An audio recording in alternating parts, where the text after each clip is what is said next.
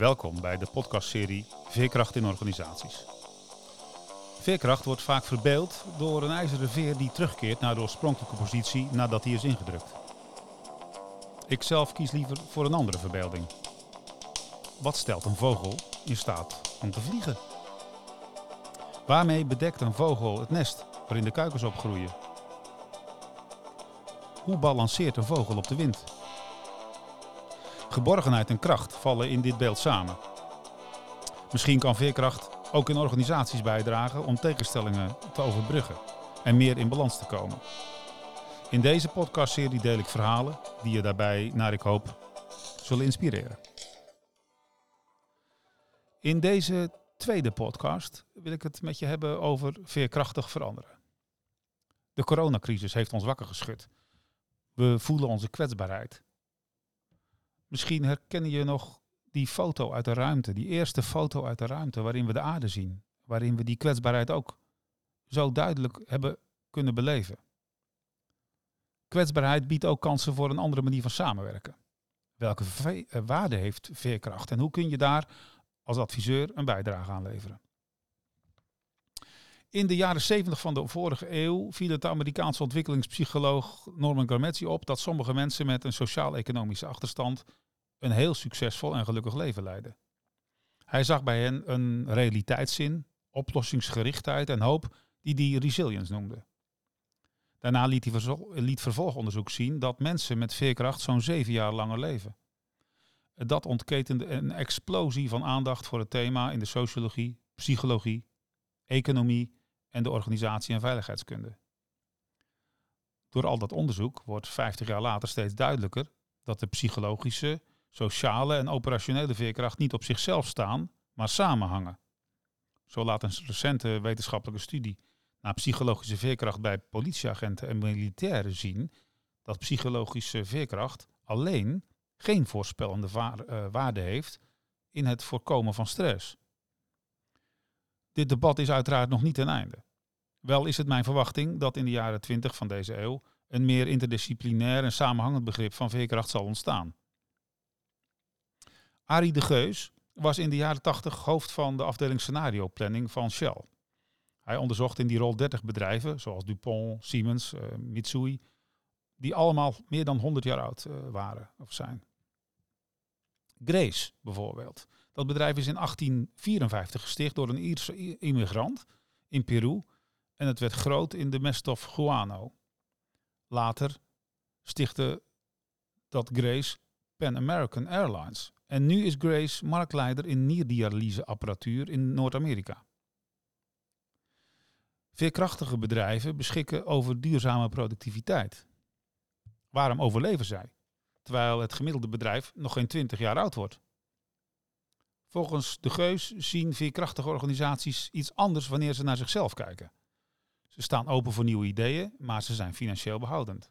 Ze zien zichzelf als verbonden met hun medewerkers in de waardeketens en met de, met de gemeenschap.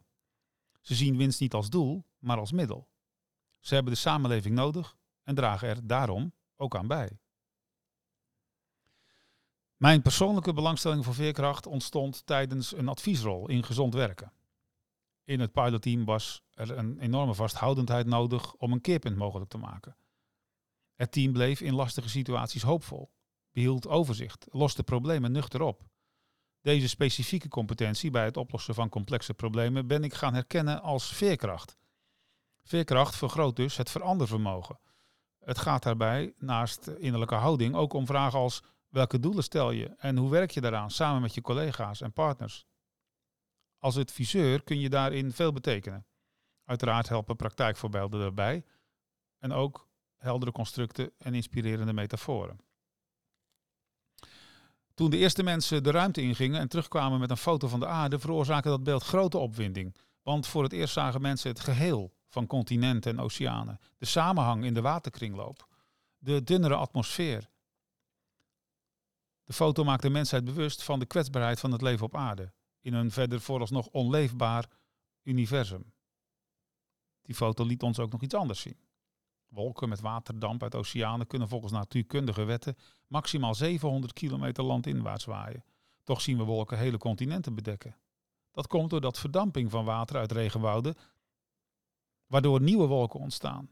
Die nieuwe wolken kan de regen dan weer maximaal 700 kilometer verder landinwaarts brengen. Daarmee is het regenwoud een grote intercontinentale pomp. Het woud heeft die pomp nodig en het draagt er op zijn beurt ook aan bij. Daarmee is het regenwoud het meest productieve, diverse, generatieve, gebalanceerde en duurzame ecosysteem op aarde. Een geïsoleerd begrip van wat zich afspeelt binnen in de boom of in de bodem geeft onvoldoende inzicht in die samenhang en dus in de veerkracht van het woud. Ieder organisme is in die samenhang afhankelijk en voegt gedurende de levensloop en zelfs daarna waarde toe. En zo zijn we weer terug bij de observaties van Arie de Geus. Wat kun je als adviseur met dat beeld? De Zuid-Afrikaanse veerkrachtonderzoeken van Breda ontwikkelden een helder veerkrachtconstruct. Veerkrachtige mensen, organisaties en waardeketens werken aan vier samenhangende vermogens. Probleemoplossend vermogen, reflecterend vermogen, verbindend vermogen en harmonie.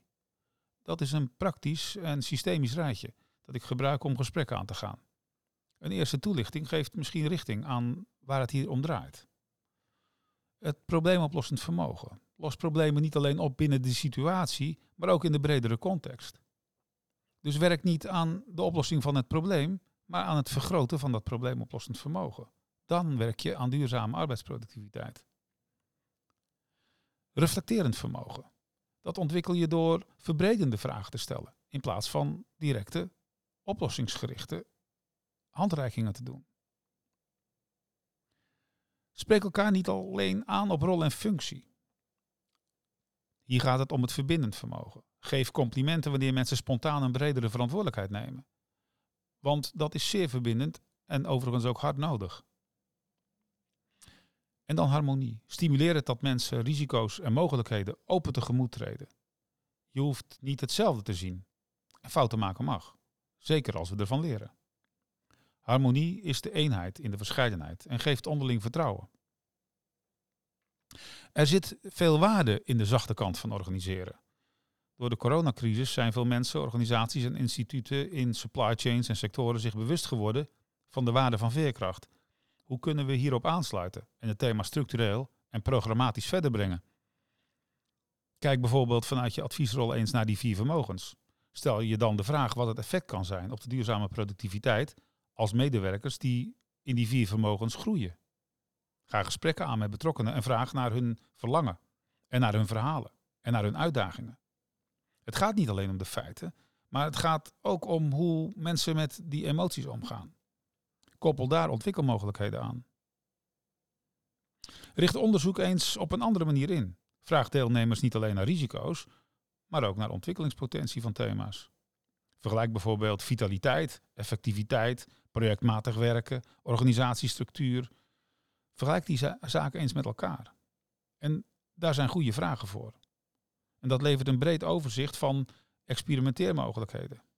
Ons onderzoek uit 2020, wat ik heb verricht met een aantal collega's, laat zien dat het ontwikkelingsthema veerkracht dan bovenaan staat als een van de meest kansrijke thema's.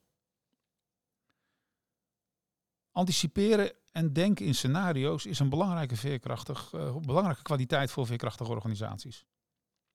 Dynamische modellering van business-ecosystemen bijvoorbeeld, een methode, geeft langs toekomstscenario's inzichten in samenhangende bedrijfsmodellen van de supply chain.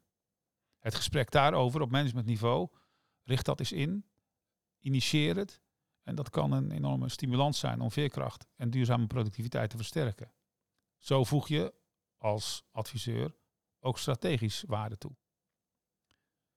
Ga op basis van een serious game eens een veerkrachtdialoog aan in een team. Goede games maken complexe zaken eenvoudig. Daarmee kun je in teams overzicht, het overzicht van de astronaut krijgen over de structuur, de strategie en de cultuur. Zitten de verbetermogelijkheden in de operationele, of juist in de sociale, of juist in de mentale aspecten van de organisatie? En hoe zou je dat kunnen versterken? Ten slotte nog een laatste mogelijkheid.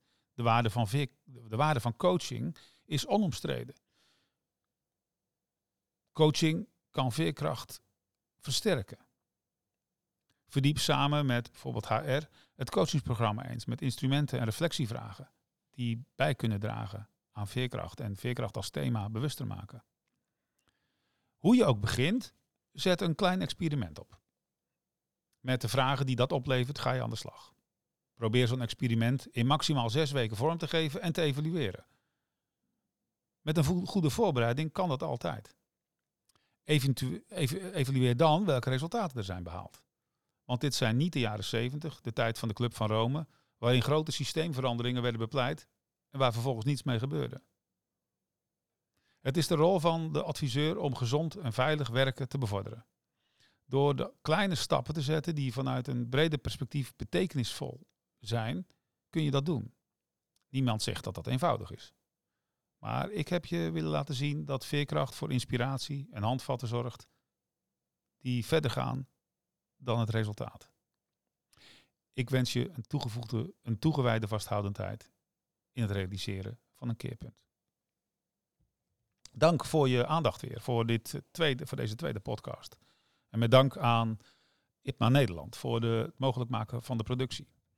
Heb je meer belangstelling? Kijk dan eens naar de mogelijkheden op veerkrachtcollege.nl. Of meld je aan bij de LinkedIn groep Veerkracht in Organisaties.